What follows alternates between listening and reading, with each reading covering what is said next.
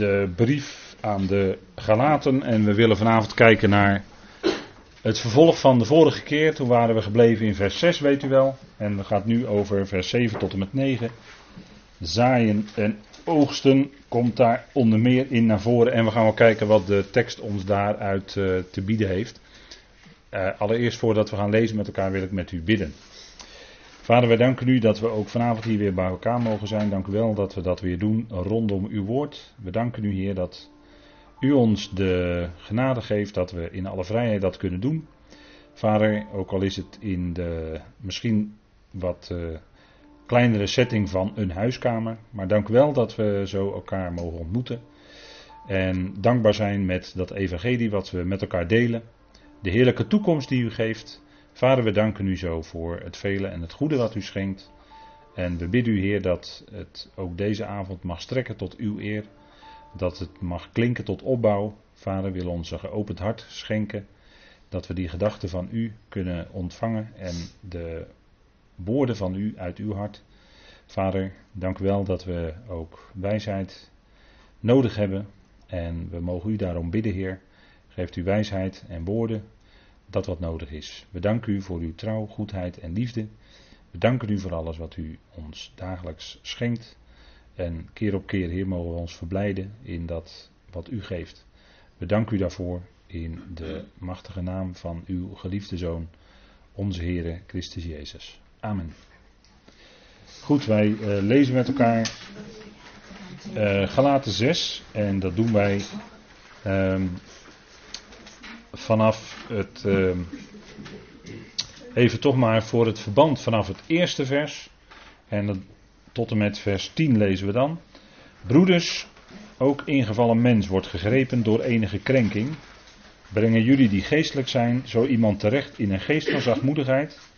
Op jezelf lettend, opdat ook jij niet beproefd wordt. Draagt elkaars lasten. En vervult zo de wet van Christus. Want indien iemand meent iets te zijn, Terwijl hij niets is, misleidt hij zichzelf. Laat ieder echter zijn eigen werk toetsen, dan zal hij alleen voor zichzelf roem hebben en niet voor een ander, want ieder zal zijn eigen lading dragen. Hij echter die onderricht ontvangt in het woord, laat hem die onderricht geeft, delen in al het goede. Dwaalt niet, God laat zich niet minachten. Want wat een mens ook zaait, dat zal hij ook oogsten. Want wie in zijn vlees zaait, zal uit het vlees verderf oogsten. Maar wie in de geest zaait, zal uit de geest ionisch leven oogsten. Laten wij echter, terwijl wij het uitstekende doen, niet ontmoedigd zijn, want in de juiste era zullen wij oogsten indien wij niet verzwakken. Dus dan bewerken wij, als wij die era hebben, het goede voor allen, maar allermeest voor de gezinsleden van het geloof. Tot zover deze tekst uit eh, de Nederlandse concordante vertaling.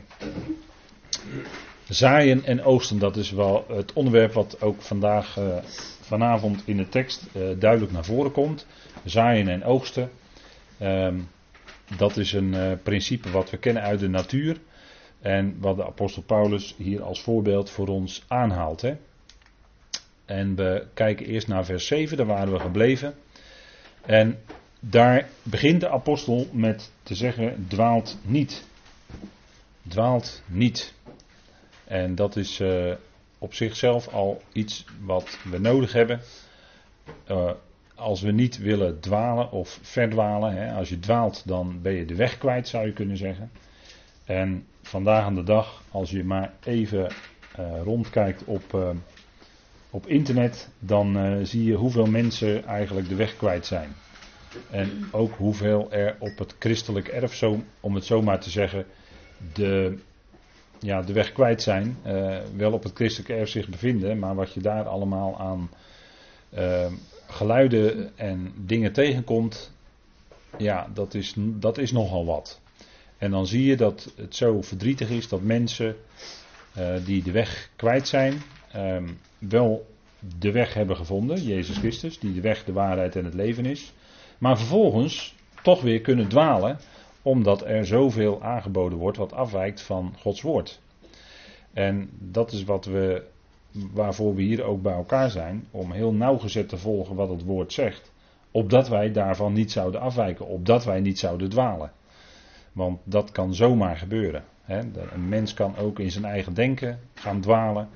Daar, is, daar hoeft nog niet eens een andere uh, lering voor uh, te pas te komen, maar je kan het ook in je eigen denken snel dwalen. Nou, de Heer Jezus, hè, dwalen, dat wil zeggen je bent de weg kwijt. En veel mensen zijn de weg kwijt vandaag aan de dag. En het is zo genezend en het is zo helend voor je als je eindelijk in je leven op de juiste weg bent gekomen. Namelijk die van God, dicht bij God. En dat is wat we in het Evangelie uh, ons tegemoet komt. Dat is een God die zijn handen uitstrekt, verzoenend, naar deze hele wereld. En wij hebben antwoord mogen geven op die verzoening. En dat is iets wat God in ons gewerkt heeft. Dat weten we achteraf. Hè? Eerst dachten we misschien nog dat we gekozen hadden voor Jezus. Maar later ontdekten we dat God het was die ons getrokken heeft. En dat is zelfs al iets wat in het Evangelie van de besnijdenis genoemd wordt. In Johannes 6, daar staat dat de Heer Jezus zegt, als hij daar spreekt, dan zegt hij: Niemand kan tot mij komen. Niemand kan tot mij komen, tenzij de Vader hem trekt.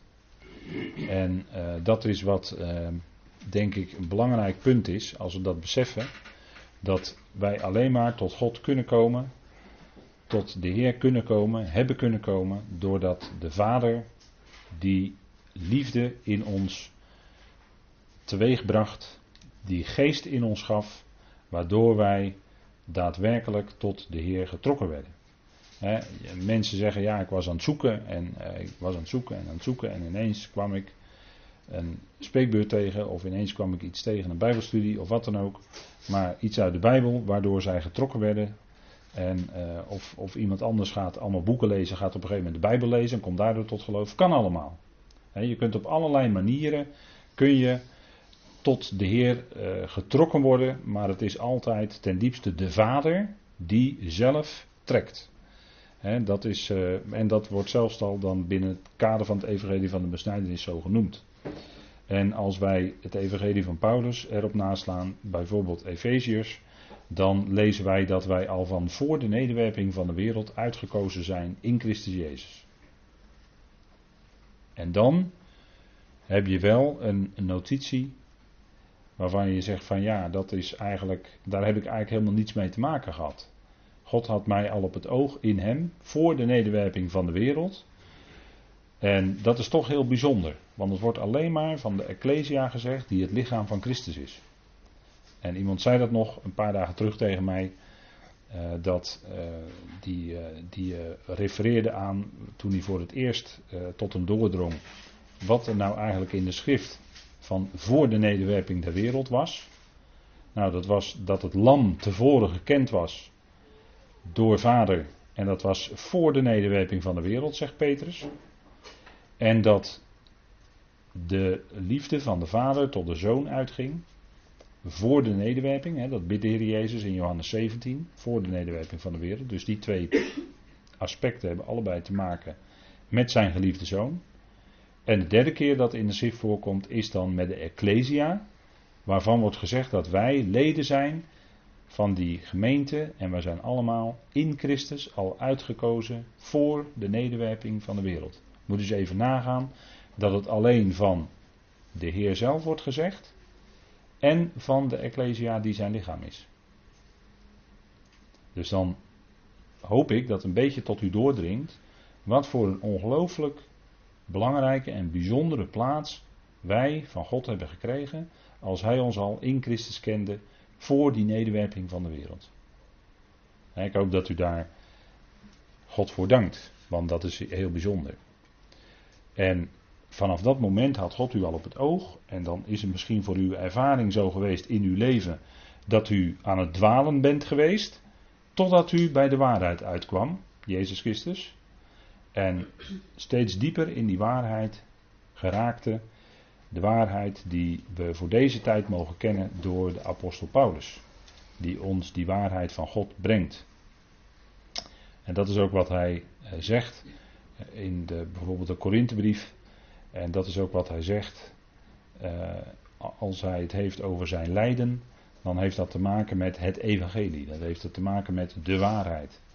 dan heeft het te maken met dat wat God hem had gegeven, dat bracht hij uit en daarvoor leed hij. En daarin verheugde hij zichzelf. Als ik Colossense 1 vers 24 lees, dan staat daar dat de apostel Paulus zich verheugde in zijn lijden voor de gemeente. Moet je eens even nagaan hè, wat dat betekent. Nou, maar we zijn dan uit dat dwalen gekomen. En als gelovig is het heel belangrijk dat we blijven op de weg waar God ons op gezet heeft. Opdat wij niet afdwalen. En er is vandaag de dag ongelooflijk veel wind van leer. Hè? Er is allerlei wind van leer. En nou is het punt dat wij die opvoeding en de voeding van de geest van het woord nodig hebben. Opdat wij kunnen vaststaan. En opdat wij niet heen en weer bewogen worden met allerlei wind van leer. Want ik zal u verzekeren, en dat weet u zelf denk ik ook wel, dat er op het christelijk erf heel veel wind van leer is. En wind, dat is hetzelfde woord als geest in de grondtekst. Dat is zowel in het Hebreeuws als in het Grieks het geval. En daar zitten dus misleidende geesten achter. Maar daar komen we nog op. Dwalen, want we hebben het nu over dwalen. Mensen die de weg kwijt zijn. De Heer Jezus werd zelf een dwaler, misleider genoemd. Hè? En dat was spottend. We zoeken dat even op in Matthäus 27. En die woorden die hebben bij de Heer. Dat was lijden voor de Heer, dat hij dat moest horen. Want hij hoorde dat uit de mond van degene die zelf aan het dwalen waren. En die zo erg dwaalden dat ze de geliefde zoon aan het hout lieten spijkeren. Vaak is het precies andersom, hè?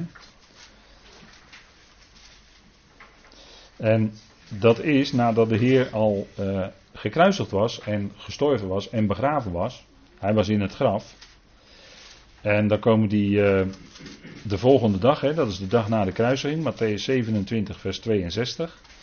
De volgende dag, dat is na de voorbereiding, kwamen bij de overpriesters, kwamen de overpriesters en de fariseeën bij Pilatus bijeen en zeiden: Heer, wij herinneren ons dat deze verleider, dat is uh, eigenlijk datzelfde woord hier, hè, als uh, van dat dwalen, wat Paulus hier gebruikt in, in Galaten 6, hè, dwaalt niet. Dat deze verleider of afdwaler, dwaler gezegd heeft toen hij nog leefde, na drie dagen zal ik opgewekt worden. En daartoe werd dan een beveiliging bij het graf neergezet. En dat was eigenlijk achteraf alleen maar des te beter, opdat des te duidelijker zou worden dat hij ook werd opgewekt uit de dood. Want de bewakers die ervoeren dat met die uh, aardbevingen. Dus de Heer Jezus werd hier door die fariseeën en schriftgeleerden een verleider genoemd, een misleider, een afdwaler. En dat zeiden dus degenen die zelf afgedwaald waren, die zelf misleid waren. Nou, zo wordt het ook genoemd in uh, 2 Korinthe 6, want Paulus die uh, onderging vaak uh, dezelfde hoon en spot als zijn Heer zelf natuurlijk. Dat is niet zo verwonderlijk als de Heer zelf uh, gehoond en bespot werd en als een misleider of afdwaler bestempeld werd, dan is het geen wonder dat de verheerlijkte Heer, die zijn woorden door Paulus spreekt, dat Paulus dan vervolgens ook zo genoemd wordt. Ja, dat is niet zo verwonderlijk natuurlijk. En dat is vandaag de dag nog steeds zo. Daar staat, even kijken, Paulus die noemt een heel aantal dingen die hij uh, over zijn dienstbetoon en dan lees ik met u even het verband 2 Korinthe 6 vanaf vers 4. En dan zegt hij maar in alles bewijzen wij onszelf als dienaars van God. In veel volharding, in verdrukkingen, in noden, in benauwdheden. In slagen, in gevangenissen, in oproer, in gespannen arbeid, in nachten zonder slaap, in vasten, in reinheid, in kennis, in geduld. In vriendelijkheid, in de Heilige Geest, in ongehuichelde liefde, in het woord van de waarheid, in de kracht van God, door de wapens van de gerechtigheid aan, de ring, uh, rechter en aan de linker zijde. Door eer en oneer, door kwaad gerucht en goed gerucht. Als misleiders, als afdwalers en toch waarachtig. Dus dat, het, ene, het ene werd, hij, uh, werd er van hem gezegd dat hij een misleider was. En aan de andere kant werd ook van hem gezegd, als ze echt met Paulus te maken hadden gehad, ja, is toch waarachtig. Je ziet altijd die twee kanten. Hè? En, en zo worden mensen die uh, geloven in het evangelie, die worden ook zo gezien hè, als uh, binnen de christenheid als misleiders. Want ja, zij worden gezien als, uh, wij worden gezien door anderen als dwalende broeders. Hè, wij zijn afgedwaald, want wij geloven in de verzoening van allen. En dat is wat God zegt, hè, dat hij allen verzoent. Dus aan de ene kant wordt gezegd dat wij afdwalers zijn of misleiders door anderen. En aan de andere kant toch waarachtig, want ja, we blijven toch heel dicht bij dat woord van God. En dat is toch wat, uh, wat natuurlijk een rol speelt. Hè? En uh, kijk, deze dingen die Paulus hier noemt. Kijk, hij komt in vers 7 met in het woord van de waarheid. Hè? Dus hij sprak het woord van de waarheid. In de kracht van God.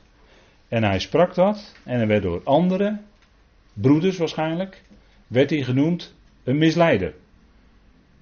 En hij was toch waarachtig. Waarom? Omdat hij alleen dat woord sprak wat zijn Heer hem gaf te spreken. en dat de, degene die dat volgen, die zal dezelfde ervaring opdoen. Die zal dezelfde ervaring opdoen. Degene die Paulus volgen. Dat kan niet anders. En dat is altijd zo geweest in de geschiedenis. Degene die echt Paulus volgden, die werden op, op zeker moment werden ze bestempeld als misleiders of als af, afdwalers. En zij werden toch dan als waarachtig gezien, omdat ze, ja, ze, ze zijn toch maar waarachtig met het woord. Willen alleen maar weten wat het woord zegt, hè, tot, eh, tot op de letter. En dat is een hele goede zaak natuurlijk. En zo kun je dus als misleider bestempeld worden.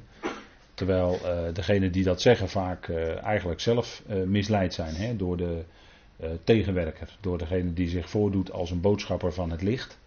Maar hij brengt duisternis. En degene die zich voordoen als boodschapper van het licht, maar zelf in de duisternis zijn, die, zullen dan van je, die zal dan van jou zeggen, of van ons zeggen, dat wij in de duisternis zijn. Ziet u, dat is precies die omkering. Hè? Maar dat is altijd zo. Maar dat is, een, dat is natuurlijk omdat daar sprake is van een geestelijke strijd. Hè? Er is altijd strijd rondom die waarheid van het woord. Hè?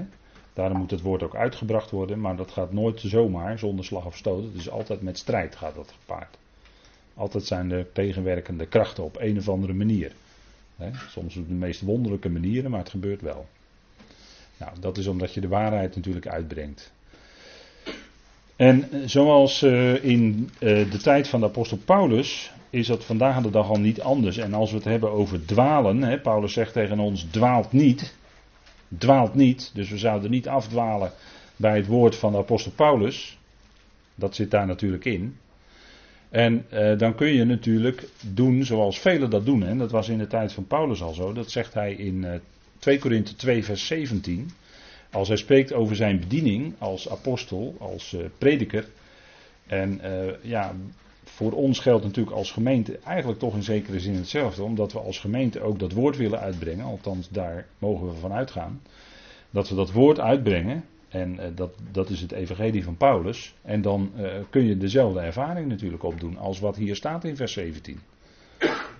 He, Paulus zegt, wij zijn niet zoals de meerderheid. He, letterlijk staat er, wij zijn niet als de velen. En nu heeft de Engelse concordante vertaling dat vertaald met the majority. Kunt u nakijken in uw uh, Concordant Literal New Testament. Dat het er zo staat, kunt u nakijken. Maar er staat letterlijk in het Griek staat er de velen. En uh, dat is wat Paulus ervoer in die tijd dat hij zelf predikte. Maar in onze tijd is dat niet anders. Hè, want wij zijn niet als de meerderheid, de velen, die het woord van God versjaggeren. In het Engels staat er peddle, hè, to peddle the word of God. Maar als uit integerheid, maar als uit God, voor het aangezicht van God, in Christus spreken wij. Dat was zijn getuigenis naar de Corinthiërs. En velen in die tijd en velen ook in onze tijd, die versjaggeren het woord van God. En wat is nou als je iets versjaggert? Dat is eh, dat je iets op een goedkope manier van de hand doet. Dus je, je, je hoe gaat dat dan? Je voegt er als het ware uh, niet waardevolle elementen bij. Dus je verdunt het eigenlijk. En zo doe je het van de hand. Zo breng je het uit. En daardoor breng je het ook, dat zit ook in dat versjaggeren, zoekt u maar op in het woordenboek. Dat breng je het op een lager niveau. En door dat lagere, het is op een lager niveau gekomen, omdat het dan sterk verdund is geworden en het lijkt bijna niet meer op de boodschap die het echt is. En dat noemen wij in het Nederlands ook wel water bij de wijn doen. Daar, vandaar even die, uh, die, dat plaatje erbij. Water bij de wijn doen.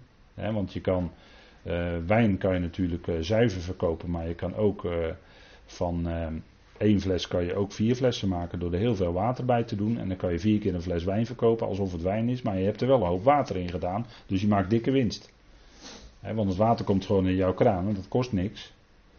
Bijna niks. En daarmee kun je natuurlijk aardige winst maken. Nou, zo, zo doet men dat dan met het woord van God. Hè. Men verdunt dat met allerlei niet waardevolle elementen. En daardoor doet men het op een goedkope manier van de hand. En wat zijn dan die niet waardevolle elementen? Dat zijn de eigen gedachten van de betreffende prediker. Of de eigen gedachten van de betreffende genootschap. Of groep. dan mengt men er een stuk traditie doorheen. Of bepaalde leerstellingen die men voorstaat. die mengt men dan door dat woord van God heen. Ja, en daardoor wordt het gewoon minder waard. En dan kan je het wel duur verkopen, maar het is minder waard. Het is niet meer het zuivere, onvermengde woord van God. En dat is ook met de genade. De genade wil men ook altijd verdunnen. Maar genade, ja, er, is niet, uh, iets, er bestaat niet zoiets als halve genade hoor. Het is of genade of niet. Afgelopen zaterdag, toen uh, uh, haalde ik even Romeinen 11 vers 6 aan. En daar, daar wordt een duidelijke tegenstelling door Paulus neergezet van wat nou genade is en werken. Nou, als er werken bijgemengd worden, dan is het geen genade meer. Klaar. En als, als bij werken genade gemengd wordt, is het werk ook geen werk meer. Want het, moet echt, het kan alleen maar werken zijn. Werken voor loon. Kijk, en dat gebeurt ook met de prediking. In heel veel prediking wordt wel genade gebracht, maar op een of andere manier komt er vroeg of laat toch een stukje eigen werk van de mens om de hoek kijken. En zo verdun je dan het woord van God, want je voegt er een minder waardevol element bij, namelijk dat wat mensenhanden doen. Terwijl God alleen het werk doet, terwijl God alleen het zijn hand is die het bewerkt uiteindelijk. Hè? En daarom kwamen we uiteindelijk natuurlijk afgelopen zaterdag ook uiteindelijk bij datgene terecht wat in Filippenzen staat als het nou in ons leven gaat en het gaat om praktische dienst, gaat om onze praktische leven, onze wandel, dan is God het die in ons werkt, zowel het willen als het werken. Naar zijn welwagen. Hij doet dat. En dan kunnen we niet zeggen dat het ook onze handen, dat die daar enige verdiensten aan hebben kunnen toevoegen. Dat kan niet. God gebruikt wel onze handen en onze voeten enzovoort. Dat wel. Maar het is zijn werk in ons en door ons heen. dat is het. Maar velen, en dat is vandaag de dag nog zo, die versjaggeren het woord van God. die, doen de, die doen er hun eigen denken bij. Of trekken hun eigen conclusies en presenteren die eigen conclusie dan als de waarheid. Maar dat is niet zo.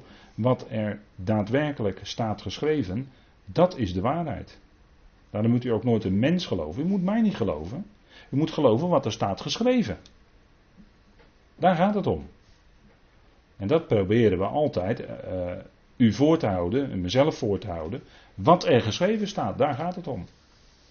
En onze eigen conclusies, ja, dat kan misschien interessant zijn. Of onze eigen denken kan interessant zijn, maar je kan het niet brengen op hetzelfde niveau als het woord van God zelf. Dan moet je er duidelijk bij zetten. Maar het gaat om dat zuivere, dat woord van God, onvermengd met menselijke invloeden.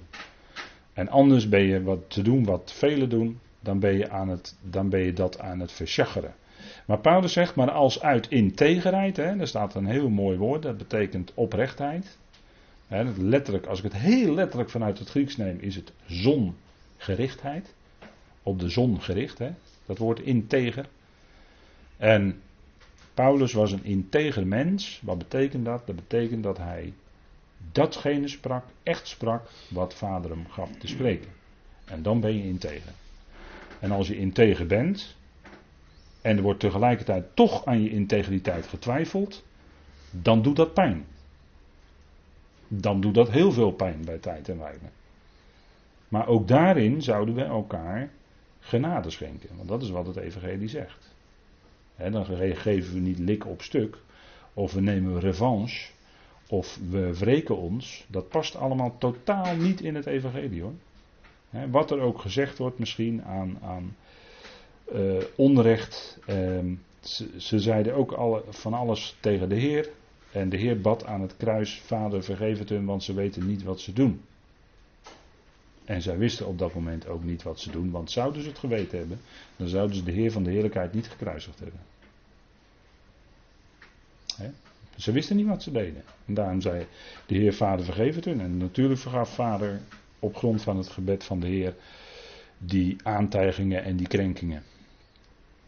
En Paulus zegt maar als uit God en voor het aangezicht van God in Christus spreken wij. Paulus kon het zeggen. Paulus kon het zeggen.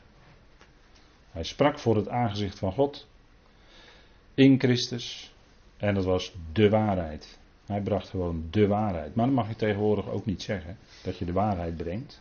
Want de waarheid is. Uh, ja, dat is, niet, uh, dat is er eigenlijk niet. Hè? Als je in de wereld zo naar buiten loopt en je gaat met mensen praten, dan is er eigenlijk geen waarheid meer. Want iedereen heeft zijn eigen waarheid. Maar de absolute waarheid, wat God zegt, dat is wat men niet meer wil horen over het algemeen. je mag niet zeggen van dit is gewoon de waarheid, die staat boven jou. Nee, de mens wil zelf die waarheid onder controle hebben, in zijn zak hebben enzovoort. Maar Paulus die sprak uit God, he, sprak het woord van God. Nou, dus dat valt niet te verdunnen. Je kunt bij het woord van God niet water bij de wijn doen. En doe je het wel, ja, dan ga je dwalen. En daar gaat het over. Hè? Het verdunnen van het woord. Door het verdunnen van het woord kom je op een dwaalweg. Ga je dwalen. Dwaal je af. Op een of andere manier. En dan kan je in die hele wonderlijke mix komen, dat meng-evangelie om het zo maar te zeggen, waarvan Paulus zegt dat het geen evangelie is. Of je kan uiteindelijk in het evangelie van de besnijdenis terechtkomen, dat kan ook nog. Dan zit je helemaal aan de andere kant. En dan leef je onder de wet of zo. En daar gaat de gelaten brief natuurlijk over, hè? wel of niet leven onder de wet. Nou, eh, Paulus zegt ook dat er in de late tijden, zullen even met elkaar opzoeken, 1 Timotheus 4. Want dat punt van het afdwalen, dat is natuurlijk een belangrijk punt. 1 Timotheus 4 en in 1 Timotheus 3, dat hele hoofdstuk ging over de oudsten. Hè? En de oudsten zijn degenen die in de gemeente um, een bepaalde plaats hebben en één punt is dat een oudste moet ook in staat zijn op grond van het gezonde onderwijs van de apostel Paulus eventuele dwarsliggers te weerleggen. Dus een oudste, een kenmerk van een oudste is onder meer dat hij het woord van God, het evangelie van Paulus, goed moet kennen. En dat ook moet kunnen uitdragen en bij gelegenheid ook daarmee anderen kunnen weerleggen. Met zachtmoedigheid, dat moet je met zachtmoedigheid doen. En met geduld vooral. Maar, maar dat is van de oudste. En in, daar heeft Paulus net gesproken over de oudste. Dat moet u dan even meenemen. 1 Timotheus 3. En dan komt 1 Timotheus 4 vers 1. En daarom zijn, denk ik, oudsten in de gemeente best wel toch belangrijk.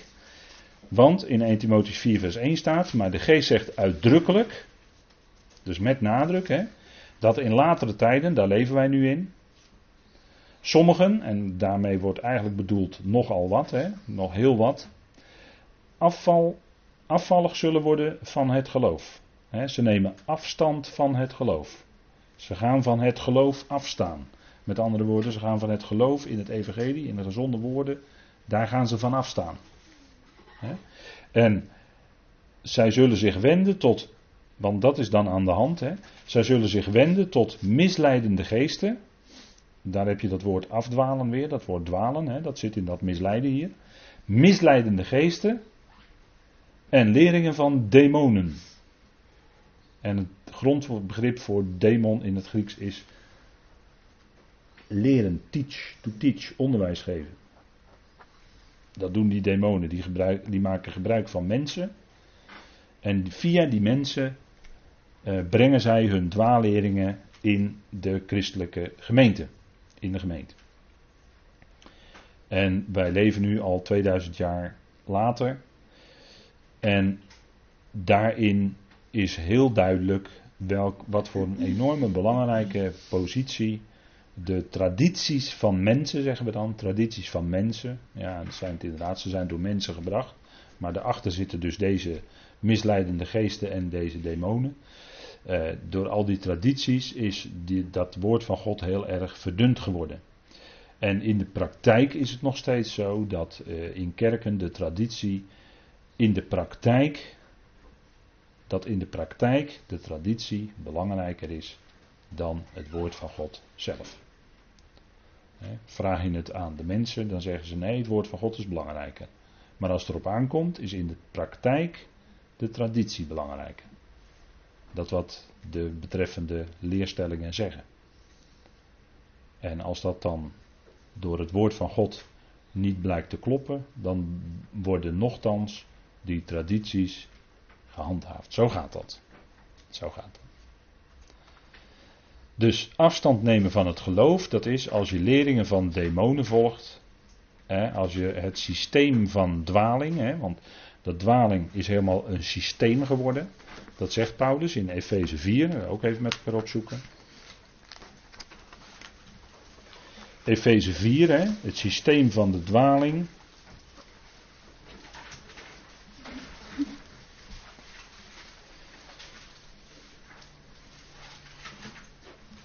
Vers 14, systeem van de dwaling. Vers 14. En dat is heel belangrijk dus dat wij opgroeien tot volwassenheid in het geloof, hè, tot rijpheid in het geloof. Opdat wij, vers 14 dan, geen onmondigen meer zijn. Geen onmondigen meer zijn. Zwalkend en meegedragen door iedere wind van leer. In de grilligheid van de mensen door list om de stelselmatigheid van de, stelselmatigheid van de dwaling te bewerken. Stelselmatigheid van de dwaling. Ziet u? En in die tradities waar ik het net over had, daarin kun je zien dat dat stelselmatig is. Want het wordt stelselmatig wordt het gehandhaafd. met, afgelopen zaterdag hadden we het met de Berma erover. En ehm, toen heb ik naar voren gehaald het voorbeeld van predikanten die dus aan de die dus getekend hebben, die dus de, in kerken dus de drie formulieren van eenigheid ondertekend hebben, onderschreven hebben, die zitten vast aan de drie formulieren van eenigheid. Gaan zij vanaf de kansel iets anders zeggen, dan komt de kerkenraad en dan raken ze hun baan en hun tractement kwijt. Zo gaat dat. Dat is de stelselmatigheid van de dwaling handhaven en eh, omdat je dan je moet houden aan de formulieren in plaats van aan de schrift. En daar, die wijken toch van elkaar af hoor. De formulieren wijken wel af van de schrift, dat kan ik gerust wel tegen u zeggen. En je bent onmondig als je dus laat mee, meenemen door iedere wind van leer. Dan ga je zwalken. dan is het ene moment zus en het andere moment zo. En dat is wat je in de christenheid ziet. Dat zie je in de afgelopen 40, 50 jaren in de evangelische wereld in Nederland gebeuren. de ene keer eh, dan komt een John Wimber. Ik weet, niet of u die naam nog kent. maar die had het over het koninkrijk van kracht. Die had het over een bepaalde manier over tekenen en wonderen. Nou, en dan komt er weer uh, de Toronto Blessing. Weet u het nog? Toronto Blessing. Nou, die heeft wat gezorgd voor wat splitsingen in gemeentes hoor. Dat was een, geen blessing dus, maar dat dacht splitsing in heel veel gemeentes. Nou goed, ik noem er nu twee, maar ik zou u zo een hele lijst kunnen noemen. Hè. De ene keer rent iedereen dan achter het een aan en de andere keer rent iedereen achter het ander aan en ze zijn aan het zwalken. Dat zie je dan gebeuren. er is geen vastheid en daarin blijkt eigenlijk hun geestelijke onmondigheid. men gaat naar genezingsdiensten, waar dan zogezegd mensen genezen worden. Die worden daar niet genezen hoor. Die worden niet genezen. Maar dan naar de genezingsdiensten, hè, die worden dan uitgenodigd, grote organisaties, grote namen. En dan uh, zitten mensen zitten ademloos toe te kijken of er dan iemand op het podium genezen wordt. Hè? En wat niet gebeurt. En dan wordt de handen opgelegd en dan gaat men spreken in tongen. En dan spreekt men niet in tongen tot lof van de Heer, maar dan spreekt men hele andere dingen in tongen. Hè? Dus ik, eh, kan het u dat allemaal laten lezen, dat is allemaal vastgelegd. Maar dat is, als je gaat zwalken en als je niet blijft op dat fundament, als je niet blijft op dat fundament van het evangelie wat apostel Paulus brengt, dan ga je zwalken en dan kom je overal terecht Maar je dwaalt af. Je dwaalt af. Iedere wind van leer. Hè? Het gaat om leer, het gaat om onderricht. Wat natuurlijk heel belangrijk is. Onderricht is heel belangrijk. Sommige mensen die roepen dan, ja maar de Heer is belangrijker dan de leer. Eh, ja, maar daar moet je toch wel wat kanttekeningen bij zetten. Want wat de Heer aan onderricht geeft via Paulus is wel degelijk belangrijk. Het gaat uiteindelijk om de Heer, maar het gaat ook om zijn onderricht. Wat dacht u wat? De discipelen gingen ook met de Heer mee. Drie jaar lang. Of misschien nog wel langer. Maar, maar de Heer gaf onderricht hoor. Hij was belangrijk, want hij gaf het onderricht. En toen eh, op aarde in het evangelie van het koninkrijk. En nu geldt het evangelie van Paulus. maar eh, dan is het onderwijs wat gegeven wordt wel degelijk heel erg belangrijk. Want het bewaart je, als je blijft bij het onderwijs van, van de apostel Paulus, bewaart het je wat hier staat in vers 14 van Efeze 4. En daarom geeft, de, daarom geeft God in de gemeente, in het begin apostelen, profeten, goed, die zit in het fundament, maar evangelisten, herders en leraars. Geef God in de gemeente. En het is opdat ze onderricht geven. Want wat doet een evangelist? Nou, die brengt het woord toch? Wat, wat, doet, een, eh, wat doet een herder en een leraar? Wat, wat doen die? Die brengen het woord. Die brengen onderricht in de gemeente. Dat is belangrijk. Opdat die gelovigen standvastig zullen worden. Zelfstandig standvastig worden. Niet afhankelijk van mensen. Een gelovige moet niet afhankelijk zijn van een leraar. Maar de gelovige moet afhankelijk zijn van God, staand op het onderricht wat gegeven wordt. En het onderricht, daartoe geeft God evangelisten, herders en leraars in de gemeente. En dan bedoel ik het wereldwijde lichaam van Christus. En opdat die gelovigen zelf standig, standvastig zullen zijn in dat woord van de waarheid. Geworteld en gegrond raken in de liefde. Want daar gaat het allemaal om. dus dat onderricht is wel degelijk heel erg belangrijk. En dat werkt uit in de praktijk. want uh, soms wordt er dan gezegd, ja, jullie zitten altijd maar met die neus in die Bijbel. Het wordt nu eens een keer tijd om die Bijbel dicht te doen en het in de praktijk te brengen. Nee, dat is, dat is, dat is dingen tegen elkaar uitspelen die je niet tegen elkaar uit kan spelen. Kan niet. Als je zo'n gedachte hebt, dan blijkt al dat je afgedwaald bent. Kijk, dat onderricht ontvang je opdat je in je dagelijks leven ermee kunt leven.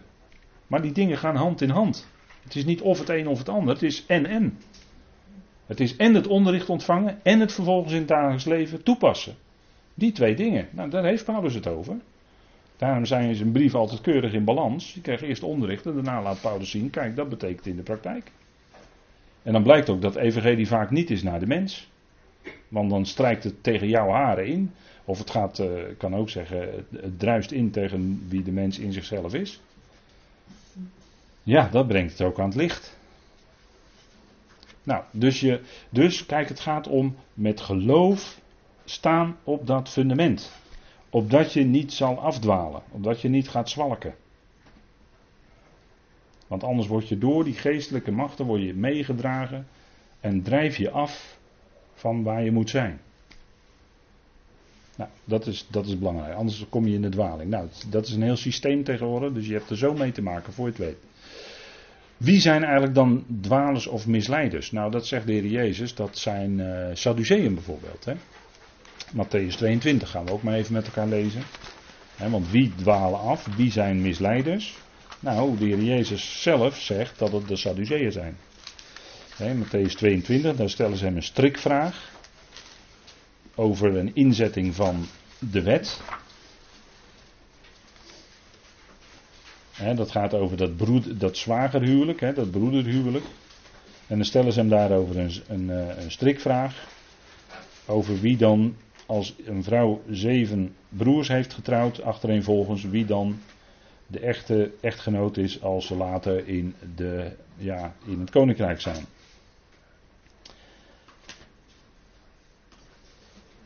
En dan, eh, dat is dan de strikvraag. Hè, van wie is die vrouw dan de echtgenote in de toekomst, in de opstanding? Maar Jezus antwoordde zij, vers 29. Maar Jezus antwoordde zij tegen hen: U dwaalt omdat u de schriften niet kent en ook niet de kracht van God. Want in de opstanding nemen ze niet ten huwelijk en worden ze niet ten huwelijk gegeven, maar ze zijn als engelen van God in de hemel. En wat de opstanding van de doden betreft, hebben jullie niet gelezen wat door God tot jullie gesproken is toen hij zei: Ik ben de God van Abraham en de God van Isaac en de God van Jacob. God is niet de God van doden, maar van levenden. Dus in vers 29 noemt de Heer daar die Sadduceeën. U dwaalt. Hij noemde ze dwalend. jullie dwalen. Omdat jullie. En zij golden in die tijd als de schriftgeleerden. Moet kijken wat de Heer tegen ze zegt. Omdat jullie de schriften niet kennen. Dat is wat, hè? Dat is wat. Kijk, maar hier heb je het, hè?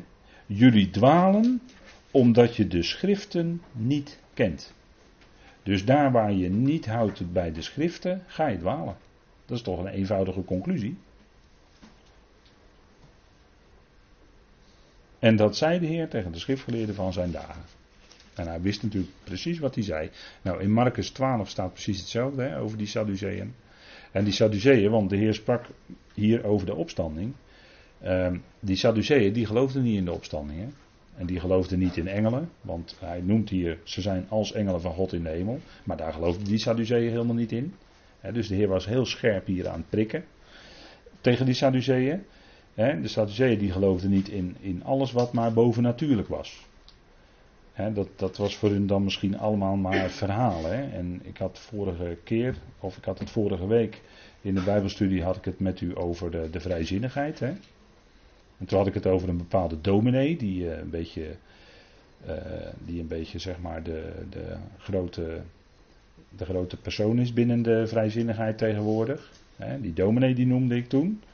En dat zijn eigenlijk, die vrijzinnigen, dat zijn eigenlijk de moderne Sadduceeën. Dat zijn degenen die niet geloven in de opstanding. Want als je aan die betreffende dominee zou vragen: van is nu de Heer Jezus Christus daadwerkelijk met zijn hele lichaam en alles uit de doden opgestaan? dan krijg je een ontwijkend antwoord van hem. Dan kun je het antwoord wat hij dan geeft, dat kun je dan niet pakken. Omdat hij daarin niet gelooft.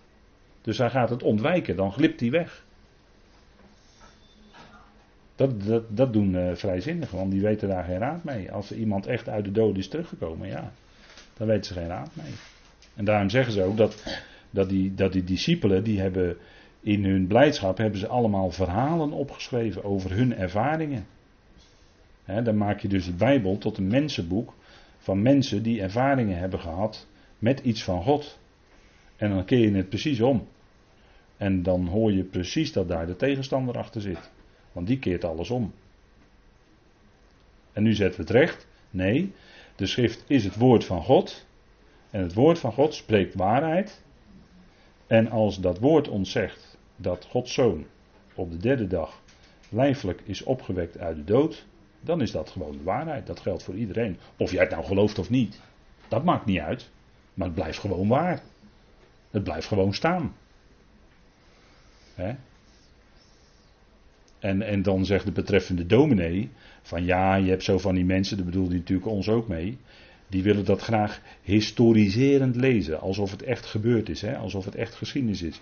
En dan zegt hij, hè, dan staat hij daarboven, die dominee, en dan zegt hij, ja, dat mogen ze wel blijven doen zo, dat moeten ze vooral zo blijven doen. Maar ik geloof het niet. Dat zegt hij dan eigenlijk. Dus hij stelt zichzelf boven het woord van God, terwijl hij zich heel snel daaronder zou moeten stellen eigenlijk. Maar dat doet hij niet. En dan kan je zien hoe erg hij dwaalt. Want dat is de dwaling van de vrijzinnigheid. Ze hebben geen enkel houvast.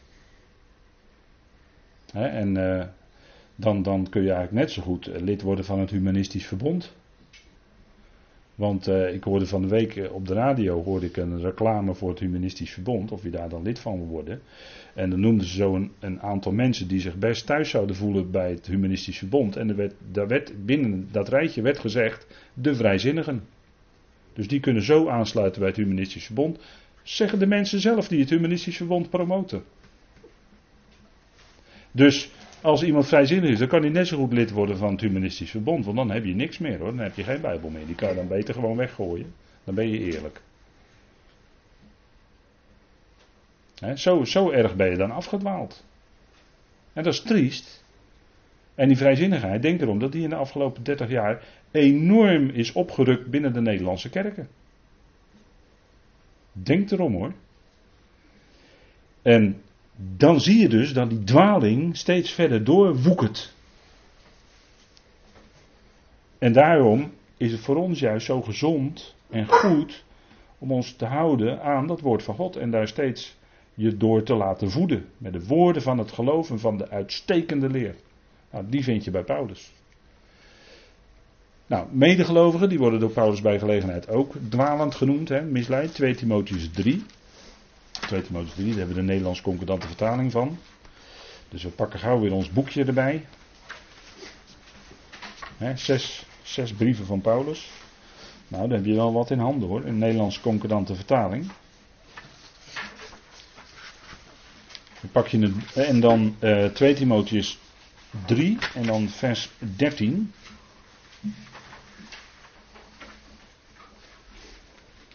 En lees ik u even vanaf vers 12. Maar ook allen die godvruchtig willen leven in Christus Jezus, zullen vervolgd worden. Boze mensen echter en zwendelaars zullen van kwaad tot erger komen, tot dwaling brengend en verdwaald zijnd. En dan ziet u daar met een heel klein verwijzingje 1 Timotheus 4 vers 1 bij staan. Dat hebben we net gelezen met elkaar. En dat is wat Paulus eigenlijk aan Timotheus meegeeft waar hij op zou letten. Blijven bij die gezonde woorden, want er zijn veel boze mensen die worden aangedreven door de boze. En dat zijn zwendelaars, die zwendelen met het woord van God. Die laten het woord van God iets anders zeggen dan wat er werkelijk staat. Van zo, ja, dat staat er wel, maar dat moet je heel anders opvatten. Of dat staat er wel, maar dat moet je eigenlijk anders lezen. En dan is het aan het eind van het liedje is het dus dat ze iets heel anders zeggen dan wat er in werkelijkheid staat. En dan is de zaak dus helemaal verlegd. En zodra ik dat merk, dan haak ik gelijk af. Als ik iemand hoor spreken en die is zo bezig, haak ik gelijk af. Dat is gelijk gebeurd. Dan denk ik van, eh, dan denk je, je bent aan het zwendelen. Dat kan niet, ik lees iets anders. En die zullen van kwaad tot erger komen, tot dwaling brengend en verdwaald zijn. Ze zijn eerst zelf verdwaald en vervolgens gaan ze die dwaling ook op anderen overdragen. Zo werkt dat dan. Hè? Zo werkt dat als een, uh, hoe noem je dat? Een, nou geen olievlek, maar dat is een andere vlek dan die ontstaat. Niet, niet olie. Maar het punt is dat je heel snel in de dwaling kan komen. En dat heeft dan ook direct invloed op de praktijk van je leven. Want ik zei net, het gaat hand in hand. Dus als jij in het onderricht dwaling ontvangt, dan ga je in de praktijk ga je ook dwalen. En dat deden die Galaten. Want nu zijn we weer terug bij de Galaten. Daar kwamen judaïserende dwaalleraren, die noem ik nu bewust even dwaalleraren. En die brachten die gelovigen tot dwaling en ze gingen leven onder de wet. En dan ben je aan het dwalen. En Paulus zegt in Galaten 6 vers 7, voor onze praktijk dwaalt niet, met andere woorden. Jullie die onder de wet willen zijn, horen jullie de wet niet?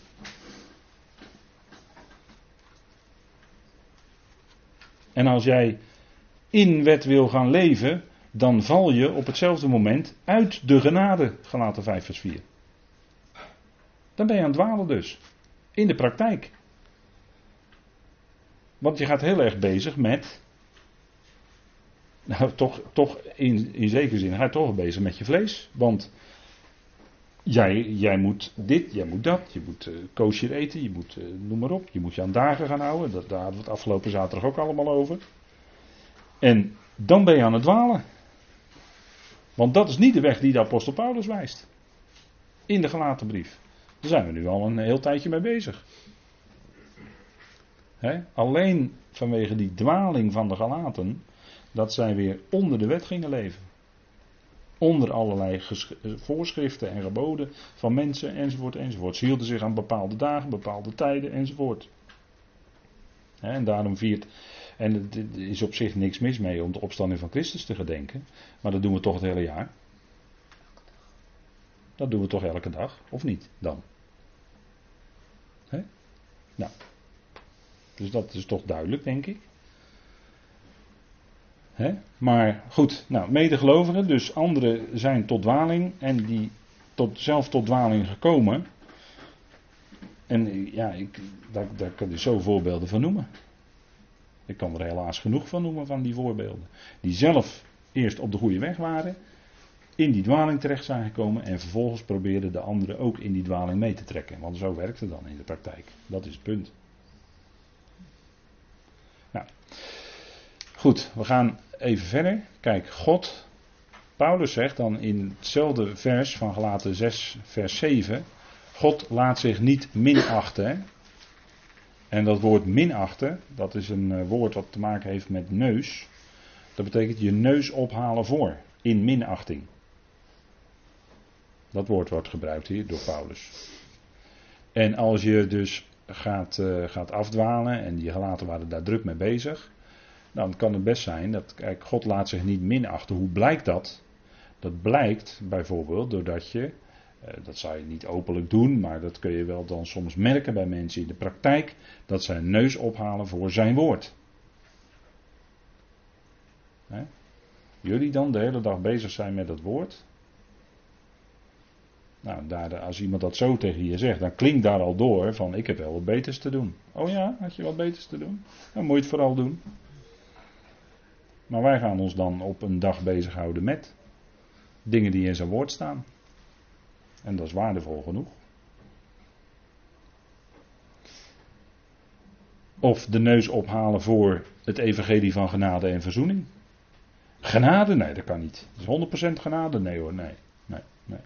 Nee, je moet toch zelf een keuze maken. Je moet toch zelf wat doen. Je moet toch zelf het aanpakken. Al dat soort uitspraken. Maar die doen allemaal afbreuk aan de pure genade die Paulus in het Evangelie neerlegt. Of er wordt tegen je gezegd: ja, maar als het alleen genade is, dat is een gevaarlijke boodschap. Dat is gevaarlijk. Wordt ook allemaal gezegd, hè? En dan halen ze eigenlijk hun neus op voor de evangelie van genade, want zij zijn zelf bezig met de werken. En daarom vinden zij zichzelf beter. Zo, zo gaat dit dus allemaal in de praktijk hoor. Zo gaat het.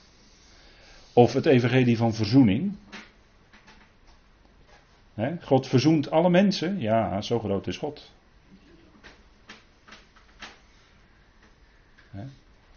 Of uh, God wil dat alle mensen gered worden. Ja, maar als een mens niet wil, dan gebeurt dat niet hoor. Welke wil is dan eigenlijk sterker? Is dat nou Gods wil sterker? Of is de wil van de mens sterker? Nou, als God wil dat alle mensen gered worden. En hij is almachtig, hè? dat geloven wij. Dat gelooft iedereen. In de christenheid, hè? dat God almachtig is. Maar in de praktijk gelooft men het niet, want God moet afwachten of iemand die keuze maakt. Of dat iemand het aanpakt. Of dat iemand zelf iets doet, toch iets van de mens. En nu klink ik genoeg Arminiaans, denk ik, als ik het zo zeg. Maar kijk, God is het die zowel het willen als het werken in u bewerkt. En, daar is, en dan als de mens zo denkt dat hij zelf iets moet doen om het heil daadwerkelijk te verkrijgen. En als de mens het niet doet, dan krijgt hij het heil ook niet. Dat is knap hoogmoedig gedacht hoor van de mens. Alleen dat heeft hij dan niet door. Dat het knap hoogmoedig is. Of men haalt de, nou goed, de verzoening. God verzoent het al. God verzoent het al. Zo staat het in Colossense 1, vers 20. Ja, er is geen spel tussen te krijgen. En dat mensen dan daar hun neus voor ophalen, voor die tekst, ja, dat, dat is dan hun zaak op dat moment. Of men haalt de neus op voor Paulus. Ja, zou dan alleen Paulus het allemaal maar weten en al die andere apostelen van de besnijdenis niet? Nou ja, als het gaat om verschillende evangelieën, inderdaad, ja, alleen Paulus was dat gegeven. Het was aan hem gegeven, ja. Niet Paulus had dat zelf bedacht, het was aan hem gegeven. Dat was genade en dat wist Paulus als geen ander. En het was inderdaad alleen aan Paulus gegeven. En daarom irriteert het mensen als in hun oren te vaak de naam Paulus valt. dan mag je niet te vaak meer de naam Paulus in preken zeggen. Het is allemaal, is allemaal geschiedenis hoor, wat ik nu vertel. Dat hebben we allemaal meegemaakt. Want dat irriteert dan in de oren. En ik weet wel waarom het irriteert. want Paulus die bracht dat woord. Ja, dat was inderdaad niet naar de mens. En even kijken. 2 Timotheus 4, uh, sorry, 2 Korinthe 4, we zaten net in Timotheus, 2 Korinthe 4, daar staat ook iets over uh, de houding van uh, de apostel Paulus, en daar getuigt hij van, hè, dat, dat was eerlijk, hoe hij bezig was in dat woord van God. En dat, dat, dat sprak mij de laatste weken erg aan, wat daar staat. In 2 Korinthe 4 vanaf vers 1. Daarom, aangezien wij deze bediening hebben, dat is de bediening van de geest. En dat is heel iets anders dan de bediening van de letter van de wet. Maar de bediening van de geest. Daarom, aangezien wij deze bediening hebben, dat is die bediening van de geest. Naar de barmhartigheid die ons bewezen is, verliezen wij de moed niet. Paulus zegt: wij verliezen de moed niet. Dat is omdat hij die bediening had gekregen en omdat hij zag op de toekomst, de Bema. Integendeel, zegt hij, wij hebben de schandelijke, verborgen praktijken verworpen. En denk erom dat er op het christelijk erf heel wat schandelijke, verborgen praktijken zijn. Ja, ik doe geen boekje daarover open, maar ik zou u daar best een boekje over open kunnen doen. Over welke schandelijke, verborgen praktijken er in de christenheid plaatsvinden. Ook in Nederland. Maar dat is schandelijk, dus dat is ook schandelijk om te noemen, dus dat ga ik niet doen. Wij wandelen niet in bedrog en vervalsen ook niet het woord van God. Kijk, je moet niet het woord van God iets anders laten zeggen dan wat er werkelijk staat.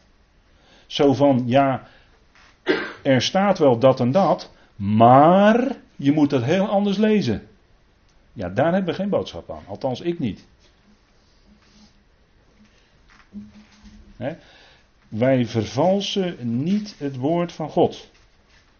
Maar door het openbaar maken van de waarheid bevelen wij onszelf aan bij elk menselijk geweten in de tegenwoordigheid van God.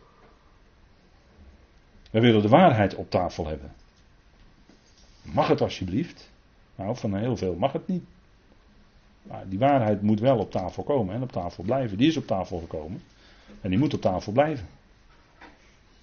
Maar er zijn heel veel verhinderingen. Er zijn heel veel mensen en vooral krachten en machten die dat willen verhinderen natuurlijk. Ja, dat begrijp ik wel. Maar daarna moet het gepredikt worden. Daarna moet het uitgedragen worden.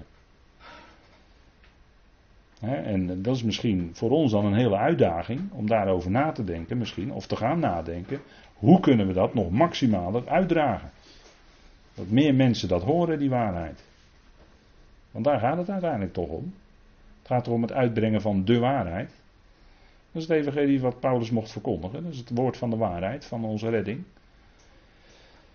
Nou, dat we dat uit mogen dragen. Hè?